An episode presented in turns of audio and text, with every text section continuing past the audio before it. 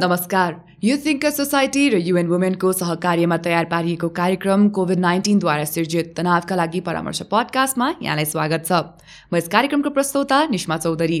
यस कार्यक्रममा हामी कोरोना महामारीका कारण देखा परेको मानसिक समस्या मनोसामाजिक समस्या र तिनका समाधानबारे विशेषज्ञहरूसँग छलफल गर्दछौँ।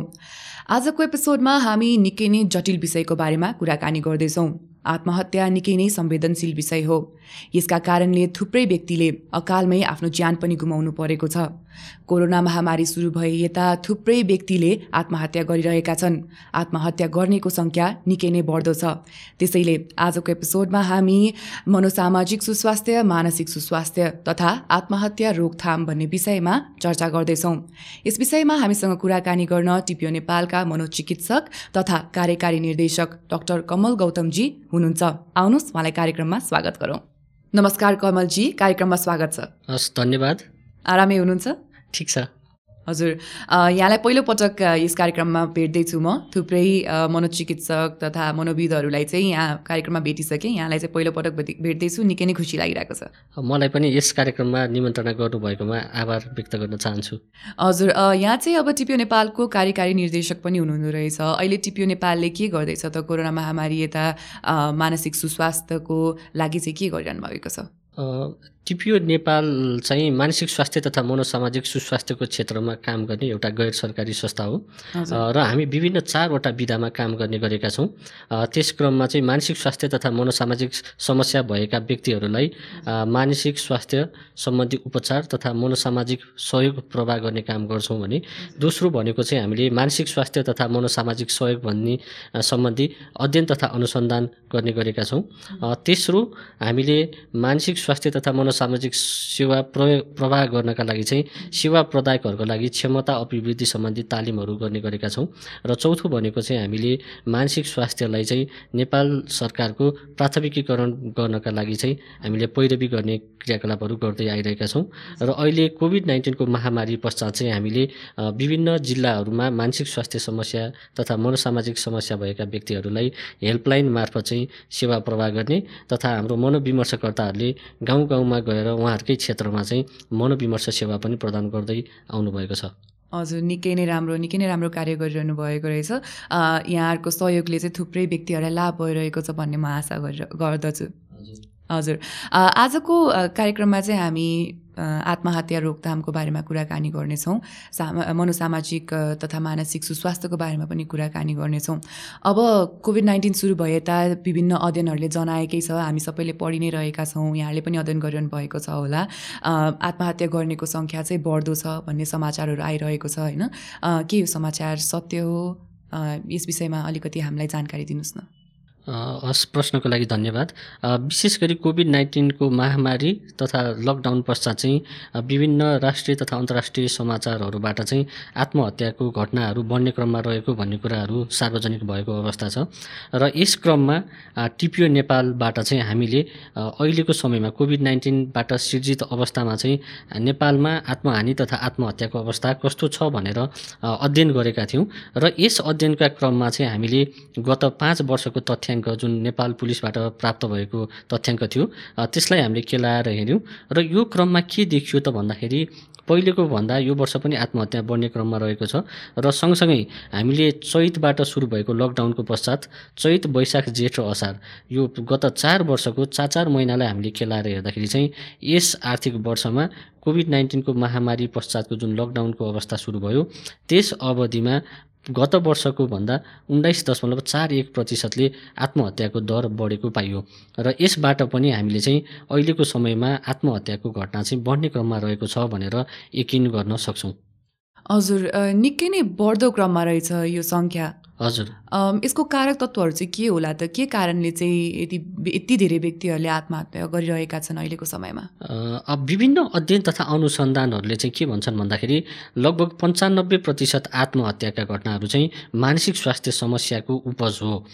तसर्थ हामीले कुनै पनि आत्महानि वा आत्महत्याको घटनालाई मानसिक स्वास्थ्य समस्याकै कारणले भएको हो भनेर बुझ्न जरुरी छ। र यसमध्ये पनि लगभग अस्सी प्रतिशत आत्महत्याका घटनाहरू डिप्रेसन परिवर्तनका कारण हुने गरेका छन् भने अन्य दस प्रतिशत चाहिँ गम्भीर खालका मानसिक स्वास्थ्य समस्या जस्तै सिजोफ्रेनिया र अन्य पाँच प्रतिशत चाहिँ विस्मृति जस्ता रोगहरू र लागु औषध तथा मादक पदार्थ दुर्व्यसनी सम्बन्धी आधारित यस्ता खालका रोगहरूबाट हुने गरेको पाइएको छ।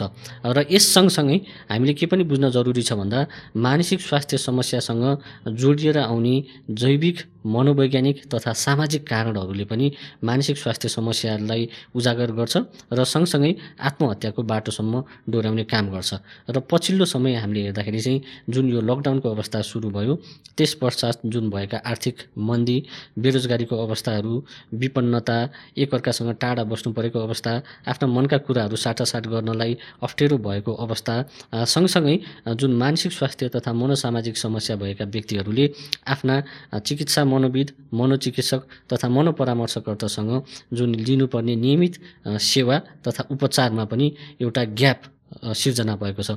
यसका कारणले गर्दाखेरि पनि अब पहिलेको समस्या पनि उजागर भएको छ भने नयाँ समस्या पनि आएको कारणले गर्दाखेरि पनि अहिलेको समयमा चाहिँ हामीले मानसिक स्वास्थ्य समस्या र आत्महत्याको घटना बढेको र यी कारणहरू चाहिँ सम्बन्धित छ भनेर यकिन गर्न सक्छौँ।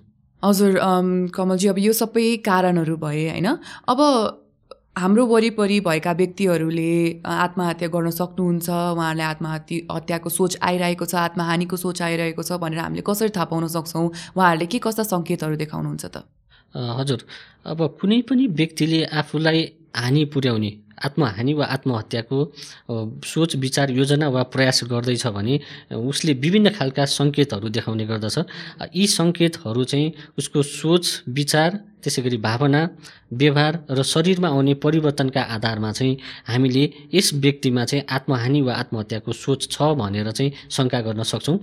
विशेष गरी कुनै पनि व्यक्तिलाई आत्महत्या गर्ने सोच बनाएको छ भने निम्न खालका लक्षणहरू देख्न सकिन्छ। जस्तै एक्लै बस्ने वा टोलाउने पहिले आफूलाई रुचि लाग्ने खालका क्रियाकलापहरूबाट टाढा बस्ने विगतमा आत्महानि वा आत्महत्याको प्रयास गरेको व्यक्ति हालसालै आएर एकदमै लोसे हुने वा अत्यधिक तडक भडक गर्ने खालको व्यवहार देखाएमा त्यसै गरी होपलेसनेस हेल्पलेसनेस र ओर्थलेसनेस सम्बन्धी सोचहरू जसलाई हामीले आशाविहीन सहयोगविहीन र मूल्यहीन खालका सोचहरू विकसित भएको छ भने यो पनि आत्महत्याको एउटा सङ्केत हुन सक्दछ। त्यसै गरी म दोषी छु यो सबै जे जे भइरहेको छ यो चाहिँ मैले गर्दा भइरहेको छ भन्ने खालका आत्मग्लानी सम्बन्धी सोचहरू छन् भने यो पनि आत्महानिको सङ्केत हो। र सँगसँगै म अरूका लागि बोझ भएँ म जिउनु व्यर्थ छ भन्ने खालका यस्ता खालका सोचहरू पनि हामीले पाएका छौँ भने त्यस व्यक्तिमा चाहिँ आत्महत्याको जोखिम बढेर गएको भन्न सकिन्छ। र सँगसँगै आत्महत्या गर्नु अगाडि चाहिँ केही व्यक्तिहरूले चाँजो पाँचो गरेका हुन्छन् जस्तै सुसाइड सम्बन्धी नोट लेख्ने होइन? सुसाइडको सम्बन्धी एउटा नोट लेख्ने त्यसै गरी आत्महत्याका लागि आवश्यक हात हतियारहरू औजार औजारहरू त्यसै गरी कीटनाशक औषधिहरू डोरीहरू यस्तो खालका वस्तुहरू खरिद गरेर ल्याउने त्यसै गरी आफूले आत्महत्या गर्न लागेको बारेमा अरूहरूसँग कुरा गर्ने जस्तै मृत्युको बारेमा कुरा गर्ने होइन? मृत्युपछिको जीवन कस्तो हुन्छ होला भन्ने खालका कुराहरू गर्ने र चाँजो पाँजो मिलाउने आफ्नो घरका व्यवहारहरू जस्तै छोराछोरीको बिहाबारी गरिदिने अंशबन्डा गरिदिने यस्ता खालका सङ्केतहरू पनि हामीले पाउन सक्छौँ। र के भनिन्छ भन्दा लगभग सयजना मध्ये अस्सी प्रतिशत व्यक्तिहरूले जसले यस्ता खालका आत्महत्याको व्यवहारहरू देखाउँदैछन् भने अस्सी प्रतिशत व्यक्तिले चाहिँ यस्ता खालका सङ्केतहरू चाहिँ कम्तीमा दुई हप्ता अगाडि व्यक्त गर्ने गर्दछन्। ए हजुर। निकै नै महत्त्वपूर्ण कुराहरू निकाल्नु भयो जस्तो लाग्यो मलाई सरले यहाँनिर। अब यस्तो कुराहरू सबै थाहा पाइसकेपछि यस्तो सङ्केतहरू देखिसकेपछि चाहिँ हामीले कसरी सहयोग गर्न सक्छौँ उहाँहरूलाई?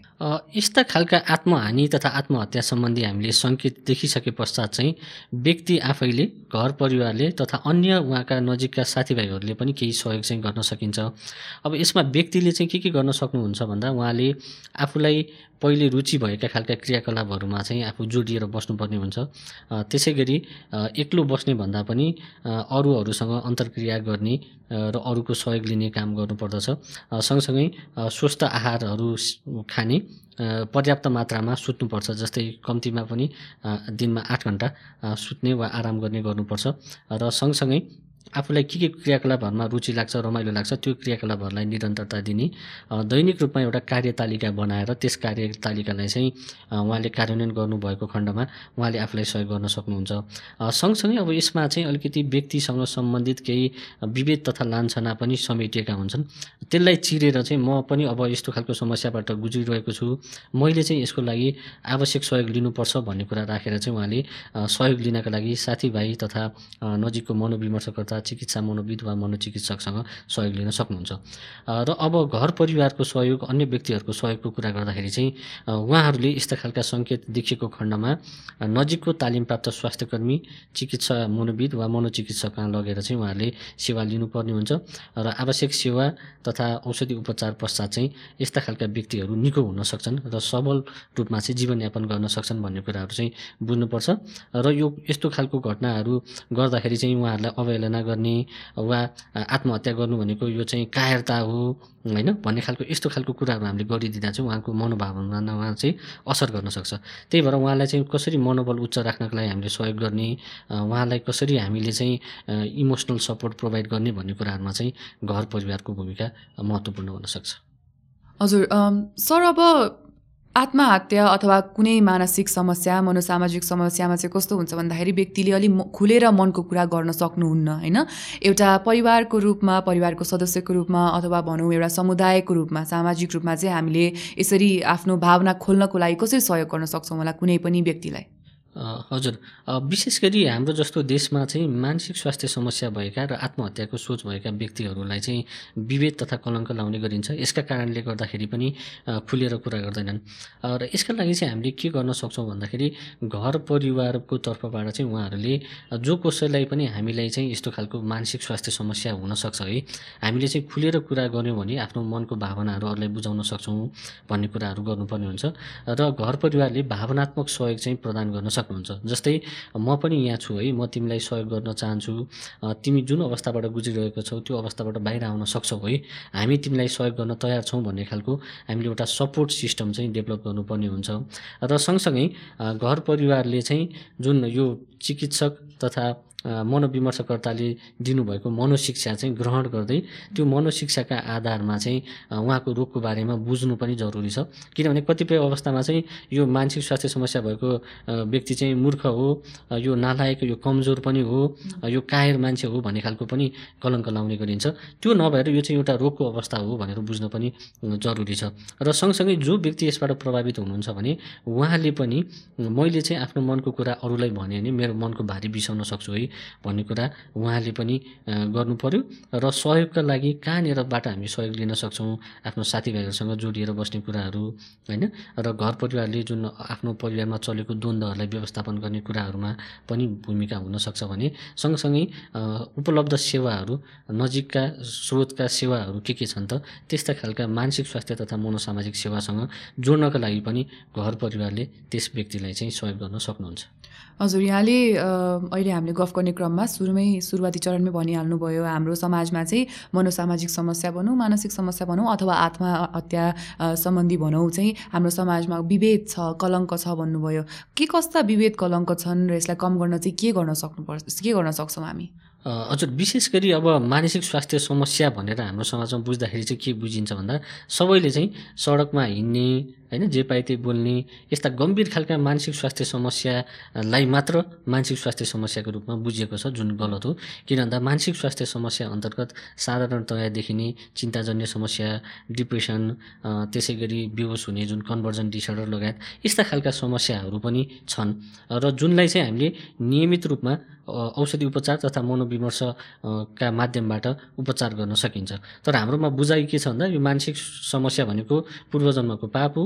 यसलाई चाहिँ कुनै तरिकाबाट पनि हामीले उपचार गर्न सक्दैनौँ। अनि यस्ता खालका औषधि उपचारले चाहिँ मानिसलाई झुम्म बनाउने लट्ठ बनाउने र दिमाग बोझो बनाउने खालको कामहरू गर्छ भनिन्छ। जुन चाहिँ एक प्रकारको यो पनि एउटा विभेद हो। र मानसिक स्वास्थ्य समस्या भएका व्यक्तिहरूलाई चाहिँ हामीले अरूहरूले गाली गर्ने उहाँहरूको मानव अधिकार हनन गर्ने कुटपिट गर्ने खालका यस्ता व्यवहारहरू पनि देखिन्छ जसको कारणले गर्दाखेरि चाहिँ समस्या लुकाउने गरेको पाइन्छ। अब यसका लागि चाहिँ के आवश्यक छ त भन्दा अलिकति जनचेतनामूलक कार्यक्रमहरू गर्ने र यसबाट चाहिँ मानसिक स्वास्थ्य समस्या र मनोसामाजिक समस्या लगायत आत्महत्याको समस्यालाई निराकरण गर्न सकिन्छ भन्ने खालको सन्देश दिन जरुरी छ र सँगसँगै यस्ता खालका समस्याबाट प्रताडित व्यक्तिहरूको एउटा समूह बनाउने जसलाई चाहिँ हामीले एउटा सर्भिस युजर ग्रुप पनि भन्छौँ। यस्तो खालको समूह बनाउने हो भने उहाँहरू पनि आफै उदाहरण भन्न सक्नुहुन्छ। जस्तै कोही डिप्रेसनबाट प्रभावित व्यक्तिहरू हुनुहुन्छ र उहाँहरूले त्यस्तो समूह बनाएर म पनि यस्तो पहिले चाहिँ यस्तो समस्याबाट गुज्रेको थिएँ म यस्तो यस्तो समस्या झेलेँ र आजको दिनमा चाहिँ मनोविमर्श तथा औषधि उपचारबाट म निको भएर सबल जीवनयापन गरेको छु। त्यही भएर मानसिक स्वास्थ्य समस्या चाहिँ उपचार गरेमा निको हुन्छ यसबाट बाहिर आउन सकिन्छ र बाँच्यो भने संसार जितिन्छ है भन्ने खालको सन्देश दिनको लागि पनि उहाँहरूको भूमिका महत्त्वपूर्ण हुनसक्छ। सँगसँगै पैरवी गर्ने क्रियाकलापहरूमा होइन सरकारको ध्यान आकर्षण गराउने क्रियाकलापहरूमा पनि यस्ता खालका व्यक्तिहरूको पहुँच राखेको खण्डमा चाहिँ हामीले यस्तो खालको विभेद लान्छनालाई चाहिँ कम गर्न सकिन्छ। यहाँले भनि नै हाल्नुभयो यदि कुनै समस्या छ भने चाहिँ हामीहरू चाहिँ प्रोफेसनल्स कहाँ जानुपर्ने हुन्छ मनोचिकित्सक मनोविदहरू कहाँ जानुपर्ने हुन्छ भन्ने कुरा चाहिँ हामीले पटक पटक यस कार्यक्रममा पनि भनि नै रहेका छौँ। तर धेरै व्यक्तिहरूलाई चाहिँ यी सुविधाहरू कहाँ हुन्छन् भन्ने कुरा थाहा छैन। साथै गैर सरकारी तथा सर सरकारी सङ्घ संस्थाहरू जति पनि छन् त्यहाँबाट के कस्तो सुख सु के कस्तो सेवा सुविधाहरू उपलब्ध छन् भन्ने कुराको पनि जानकारी हुँदैन। त्यसकारण आत्महत्या रोकथामको लागि चाहिँ सरकारी तथा गैर सरकारी सङ्घ संस्थाहरूले चाहिँ के कस्तो कस्तो सेवा सुविधाहरू उपलब्ध गराइरहनु भएको छ भन्ने कुराको जानकारी चाहिँ सरले हामीलाई दिनुहुन्छ कि? हजुर। अब नेपालमा विशेष गरी अहिले केही सेवाहरू चाहिँ उपलब्ध छन्। त्यो चाहिँ अब निजी तवरले त्यसै गरी सर सरकारी तथा गैर सरकारी सङ्घ संस्थाहरूले पनि सेवा प्रवाह गरिरहेका छन्। अब यस क्रममा चाहिँ विभिन्न सङ्घ संस्थाहरू विशेष गरी टिपिओ नेपाल सिएमसी नेपाल कोसिस नेपाल लगायत मानसिक स्वास्थ्यको क्षेत्रमा कार्यरत सङ्घ संस्थाहरूले चाहिँ उहाँहरूले आफ्नो जिल्लाहरूमा कार्यरत ठाउँहरूबाट पनि मनोविमर्श सेवाहरू दिइरहनु भएको छ भने सँगसँगै हेल्पलाइनहरू पनि सञ्चालन गर्नुभएको छ जसको माध्यमबाट यस्ता खालका समस्या भएका व्यक्तिहरूले सेवा लिन सक्नुहुन्छ। अब त्यस सँगसँगै सरकारी तवरबाट कुरा गर्दाखेरि चाहिँ मानसिक अस्पताल लगनखेल त्यसै गरी केही अञ्चल अस्पतालहरूमा चाहिँ मानसिक स्वास्थ्य सम्बन्धी सेवा उपलब्ध छ त्यहाँबाट उहाँहरूले सेवा लिन सक्नुहुन्छ। र सँगसँगै केही जिल्लाहरूमा चाहिँ नेपाल सरकार स्वास्थ्य तथा जनसङ्ख्या मन्त्रालयले विभिन्न स्वास्थ्य संस्थामा कार्यरत स्वास्थ्य कर्मीहरूलाई चाहिँ जुन यो राष्ट्रिय स्वास्थ्य तालिम केन्द्रबाट निर्मित मानसिक स्वास्थ्य सम्बन्धी तालिमहरू पनि दिनुभएको छ र ती तालिमप्राप्त स्वास्थ्य कर्मी भएका जिल्लाका स्वास्थ्य संस्थाबाट पनि यस्ता खालका सेवाहरू चाहिँ उपलब्ध छन्। र धेरैजसो सेवाहरू चाहिँ मेडिकल कलेज शिक्षण अस्पताल त्यसै गरी केही निजी अस्पतालहरूमा मात्र मानसिक स्वास्थ्य समस्या भएका व्यक्तिहरू तथा आत्महत्याको प्रयास गरेका व्यक्तिहरूलाई भर्ना गर्नु परेको खण्डमा चाहिँ यस्ता खालका निजी अस्पताल तथा मेडिकल कलेज शिक्षण अस्पतालमा मात्र यस्ता खालका सेवाहरू चाहिँ उपलब्ध भएको अवस्था छ। र यस क्रममा अहिले हालसालै केही महिना अगाडिबाट चाहिँ आत्महत्या सम्बन्धी हेल्पलाइन पनि सञ्चालनमा आएका छन्। यसमा चाहिँ पाटन मानसिक अस्पतालबाट सञ्चालित एघार छैसठी चार डिजिटको यस नम्बरबाट पनि आत्महत्याको सोच विचार योजना वा प्रयास गरेका व्यक्तिहरूले चाहिँ आवश्यक सेवा मनोविमर्श तथा साइकेट्रिक कन्सल्टेसन सेवा लिन सक्नुहुन्छ भने त्यसै गरी त्रिवी शिक्षण अस्पतालको मनोचिकित्सा विभागले पनि एउटा हेल्पलाइन नम्बर चाहिँ सञ्चालनमा ल्याएको छ। सोह्र साठी शून्य एक एक्काइस छ सय यस नम्बरबाट पनि यस्ता खालका व्यक्तिहरूले चाहिँ आत्महत्या सम्बन्धी मनोविमर्श तथा कन्सल्टेसन सर्भिसहरू चाहिँ लिन सक्नुहुन्छ। हजुर सरले दुई चारवटा नम्बर त भनि नै हाल्नुभयो। म हाम्रो दर्शक श्रोतालाई बताइदिउँ। हामी यस कार्यक्रमको अन्त्यमा यदि यहाँले यो कार्यक्रम हेर्दै हुनुहुन्छ भने स्क्रिनमा केही हेल्पलाइन नम्बरहरू दिनेछौँ। ती सबै नम्बरहरू नि शुल्क हुनेछन् र यदि यहाँहरूले हामीलाई रेडियो मार्फत सुन्दै हुनुहुन्छ भने ती नम्बरहरू हामीले यहाँहरूलाई बताइदिनेछौँ। अब कुरा गरौँ सरकारी तहबाट चाहिँ गर्न सकिने कुराहरू पहलहरू होइन? अथवा सम्बन्धित निकायहरूले चाहिँ के गर्न सक्नुहुन्छ? यसरी आत्महत्याको सङ्ख्या रोक्नको लागि किनभने अहिले आत्महत्याको सङ्ख्या सङ्ख्या बढ्दो छ र यसलाई अब नियन्त्रण गर्न निकै नै आवश्यक छ। त्यसकारण यहाँको विचारमा चाहिँ अब सरकारी तहबाट भनौँ अथवा सम्बन्धित निकायले चाहिँ के कस्ता कदमहरू चाल्न सक्नुहुन्छ यसलाई रोक्नको लागि? हजुर प्रश्नको लागि धन्यवाद। अब नेपाल सरकार स्वास्थ्य तथा जनसङ्ख्या मन्त्रालय नै अब यो आत्महत्या रोकथाम सम्बन्धी जुन सम्बन्धित प्रमुख निकाय हो र सँगसँगै मलाई लागेको चाहिँ यसमा कृषि त्यसै गरी गृह मन्त्रालय त्यसै गरी अन्य सरोकारवाला निकायहरू महिला बालबालिका तथा ज्येष्ठ नागरिक मन्त्रालयको पनि समन्वयकारी भूमिका रहन्छ। तसर्थ यसमा इन्टर सेक्टोरल कोलाबोरेसन र कोअर्डिनेसनको एकदम महत्त्वपूर्ण भूमिका हुन्छ जस्तो मलाई लाग्छ। र उहाँहरूले चाहिँ यस्ता खालका गतिविधिहरू गर्न सक्नुहुन्छ।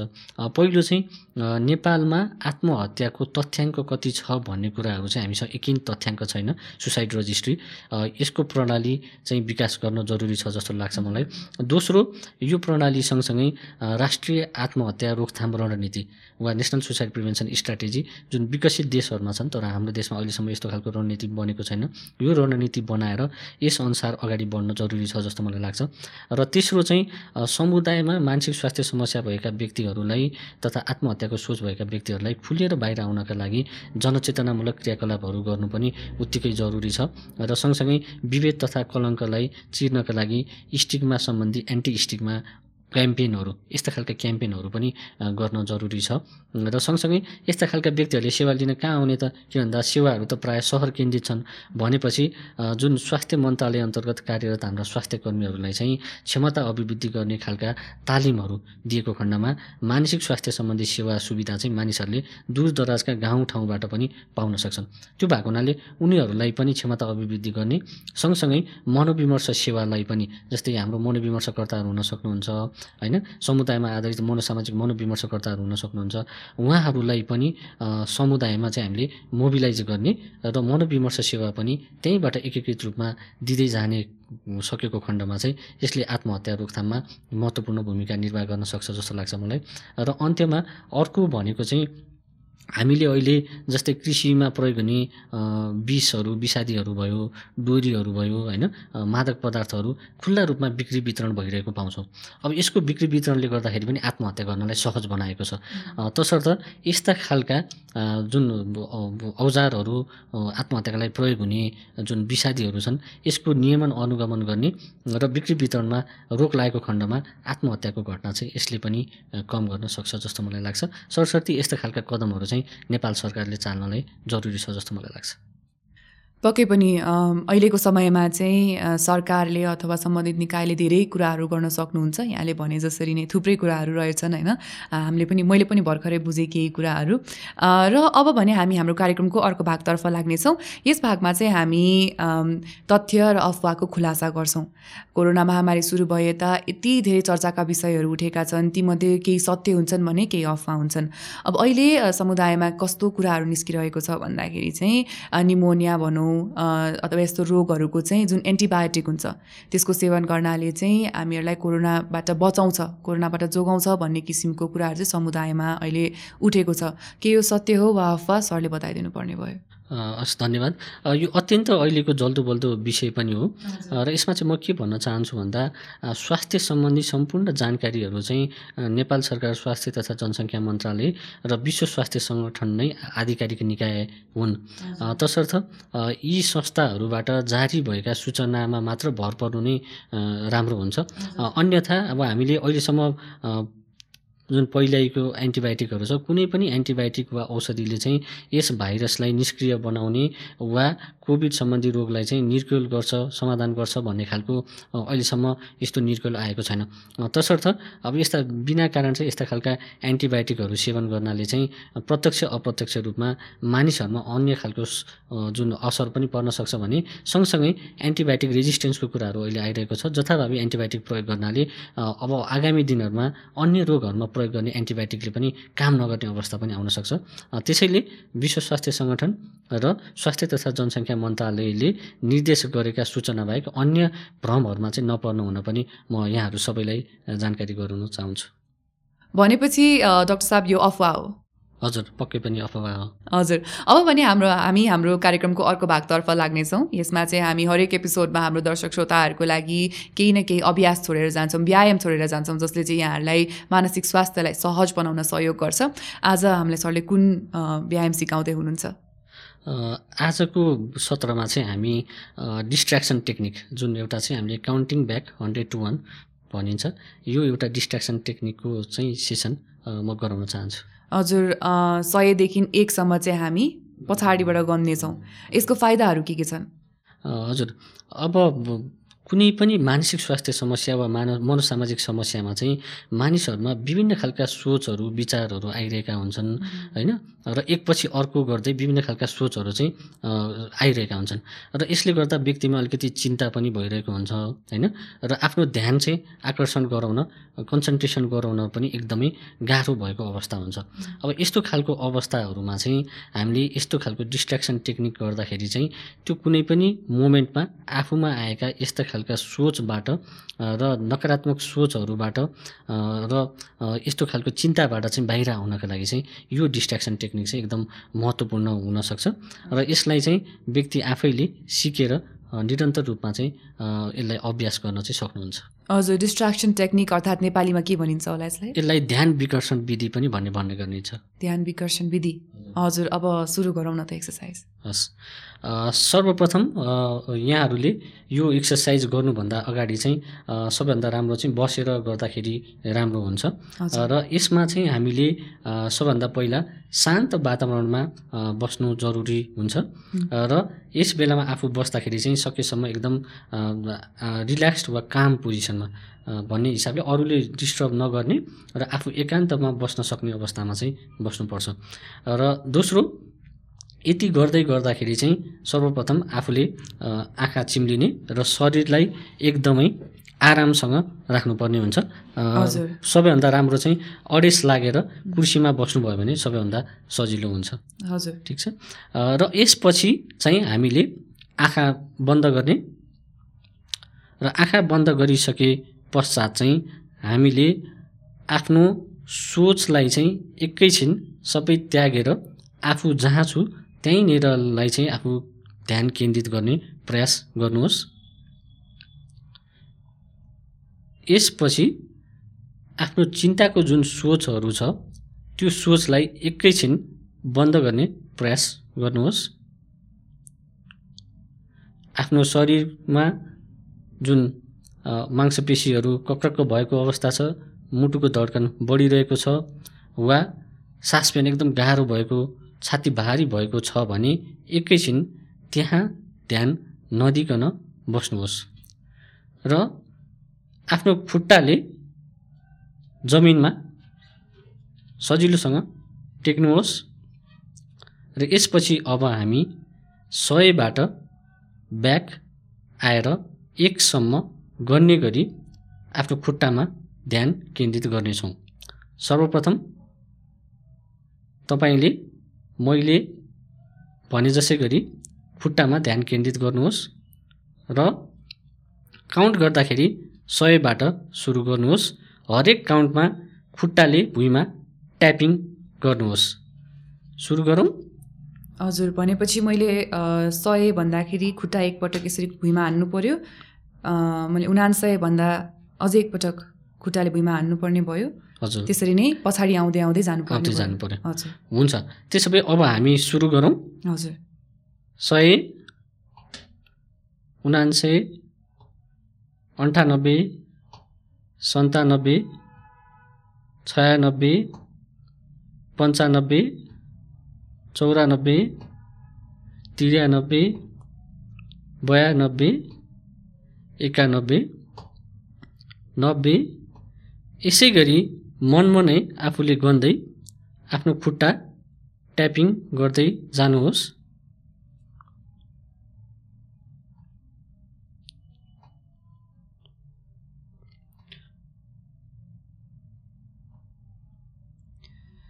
यसरी खुट्टाले ट्यापिङ गर्दा तपाईँ आफ्नो सम्पूर्ण ध्यानलाई चाहिँ आफ्नो खुट्टा र त्यो बजेको आवाजमा ध्यान केन्द्रित गर्नुहोस्। र यो प्रक्रियालाई सयबाट हामी एकसम्म आउँदासम्म निरन्तर गर्नुहोस्।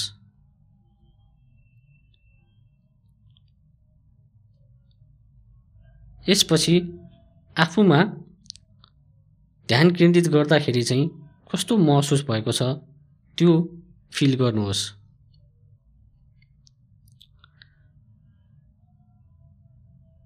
र एकसम्म गनिसकेपछि बिस्तारै आँखा खोल्नुहोस्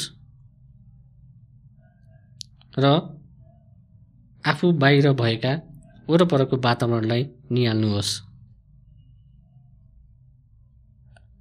यति गरिसकेपछि अन्त्यमा कस्तो महसुस गर्नुहुन्छ? एकपल्ट रियलाइज गर्नुहोस्। ग्रीष्मा चाहिँ कस्तो लागिरहेछ? हजुर हुन त मैले धेरै एक एकसम्म त गनिनँ तैपनि हुन्छ नि यो एक्सर्साइज गर्दाखेरि चाहिँ यो व्यायाम गर्दा गर्दाखेरि चाहिँ आफ्नो शरीरमा खुट्टामा विशेष रूपमा चाहिँ बढी ध्यान जाँदो रहेछ र सबै कुरा बिर्सेर चाहिँ त्यो हामी किनभने त्यो सय सय सयदेखि एकसम्म गन्दैछौँ त्यसमा पनि ध्यान जाँदो रहेछ। त्यस कारण त्यो आफ्नो ध्यानलाई चलाउनलाई चाहिँ अलि यसले सहज गर्छ कि जस्तो चाहिँ लाग्यो मलाई हजुर। हजुर पक्कै पनि अब यो अहिले हामीले अभ्यास पूर्ण रूपमा सयसम्म राम्रोसँग गर्दै जाने भने चाहिँ नियमित रूपमा हामीले जुन हाम्रो चिन्ताजन्य समस्या त्यसै गरी डिप्रेसन लगायत यस्ता खालका आत्महत्या सम्बन्धी सोच आएको खण्डमा चाहिँ यस्तो सोचाइबाट आफूलाई विकेन्द्रित गरेर आफूलाई मानसिक रूपमा स्वस्थ र सबल बनाउनको लागि चाहिँ यस्ता खालका डिस्ट्र्याक्सनको अभ्यासहरू चाहिँ महत्त्वपूर्ण हुन सक्छन्। र यसलाई चाहिँ हामीले दैनिक रूपमा गर्न सक्छौँ र यस्ता खालका सोच विचार आएको खण्डमा आफूलाई चाहिएको अवस्थामा पनि गर्न सक्छौँ। नियमित गरेको खण्डमा चाहिँ यसले हामीलाई मानसिक रूपमा स्वस्थ र सबल बनाउन चाहिँ महत्त्वपूर्ण भूमिका निर्वाह गर्न सक्छ। हजुर पक्कै पनि। र आज यहाँले जति पनि कुराहरू बताइदिनु भयो मानसिक सुस्वास्थ्य सम्बन्धी अथवा आत्महत्या सम्बन्धी हामीले आज जति पनि चर्चाहरू गऱ्यौँ पक्कै पनि त्यसले हाम्रो दर्शक श्रोतालाई सहयोग गर्छ र उहाँहरूमा चेतना पनि आयो भन्ने म आशा गर्छु। आज यहाँको समयको लागि धेरै धेरै धन्यवाद। हस् धन्यवाद। यस पडकास्ट मार्फत हामीले यहाँहरूमाझ मानसिक स्वास्थ्य सम्बन्धी चेतना ल्याउने मूल उद्देश्य रहेका छौँ। आजको एपिसोडबाट यहाँहरूलाई मानसिक स्वास्थ्य सम्बन्धी जानकारी भयो होला भन्ने हामी आशा राख्छौँ। यस कार्यक्रमलाई थप सुन्नका लागि यहाँले हामीलाई वाइटिएस केयरको सामाजिक सञ्जाल र युथ थिङ्कर सोसाइटीको वेबसाइटमा पनि भेटाउन सक्नुहुन्छ। यति मात्र नभए यो कार्यक्रम प्रदेश नम्बर दुई र सुदूरपश्चिम प्रदेशको रेडियो एफएममा पनि प्रसारण हुनेछ। प्रदेश नम्बर दुईका लागि रेडियो बिरगञ्ज र रेडियो मिथिलाञ्चल साथै सुदूरपश्चिम प्रदेशको लागि दिनेश एफएम र रेडियो सुदूरावा आवाजमा यहाँले हामीलाई सुन्न सक्नुहुन्छ। यस कार्यक्रमप्रति आफ्नो कुनै जिज्ञासा अथवा गुनासा रहेमा क्याप्सनमा दिएको प्रतिक्रिया फारमभरि हामीलाई सचेत गराउन सक्नुहुन्छ। कोभिड नाइन्टिनद्वारा सिर्जित तनावका लागि परामर्श पडकास्टमा हामी यहाँलाई आवश्यक पर्ने मानसिक स्वास्थ्य सम्बन्धी जानकारी दिन्छौँ। आउने एपिसोडहरूमा हामी मानसिक समस्या मनोसामाजिक समस्या यसका जिज्ञासा तथा प्रश्नहरूको बारेमा छलफल गर्छौँ। त्यसकारण सामाजिक सञ्जाल मार्फत हामीहरूसँग अपडेट भइरहनु हुन यहाँमा जाग्रछ यदि यहाँहरूलाई कुनै मानसिक अथवा मनोसामाजिक समस्या भएमा यहाँले टिपिओ नेपालको टोल फ्री नम्बरमा सम्पर्क गरेर मद्दत माग्न सक्नुहुन्छ। टिपिओ नेपालको टोल फ्री नम्बर रहेको छ एक छ छ शून्य एक शून्य दुई शून्य शून्य पाँच। यो सेवा बिहान आठ बजेदेखि बेलुका छ बजेसम्म उपलब्ध छ। थप यहाँहरूले कोसिस नेपालको टोल फ्री नम्बरमा पनि सम्पर्क गरेर मद्दत माग्न सक्नुहुन्छ। प्रदेश नम्बर दुईको लागि उहाँहरूको नम्बर रहेको छ एक छ छ शून्य तिन तिन पाँच दुई शून्य एक एक। सुदूरपश्चिम प्रदेशको लागि उहाँहरूको नम्बर रहेको छ एक छ छ शून्य एक शून्य पाँच छ सात एक पाँच। बागमती प्रदेशको लागि उहाँहरूको नम्बर रहेको छ एक छ छ शून्य एक दुई दुई तिन दुई दुई। आत्महत्या रोकथामको लागि मानसिक अस्पताल लगनखेलको नम्बर रहेको छ। एक एक छ छ। यी सबै सेवाहरू निशुल्क छन्। यति भन्दै आजको पडकास्टबाट म निष्मा चौधरी यहाँहरूबाट बिदा माग्न चाहन्छु। नमस्ते।